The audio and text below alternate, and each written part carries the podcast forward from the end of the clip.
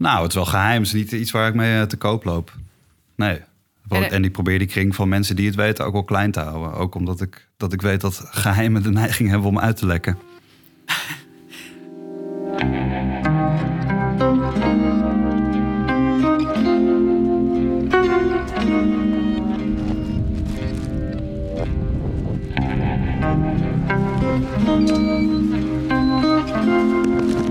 Goedemorgen.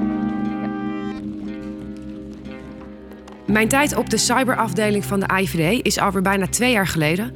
als er een mailtje komt met de vraag of ik terug wil komen naar de dienst.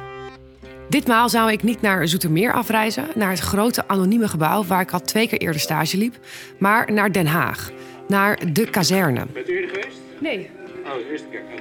Ik ga namelijk meelopen bij de afdeling contraproliferatie, waar ik eerlijk gezegd nog nooit van had gehoord.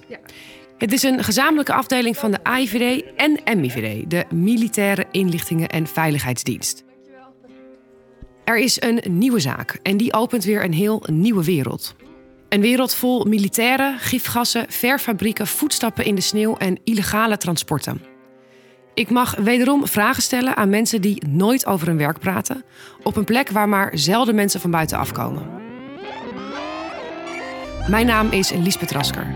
Je luistert naar het nieuwe seizoen van de podcast van de AIVD en MIVD. Welkom bij De Dienst.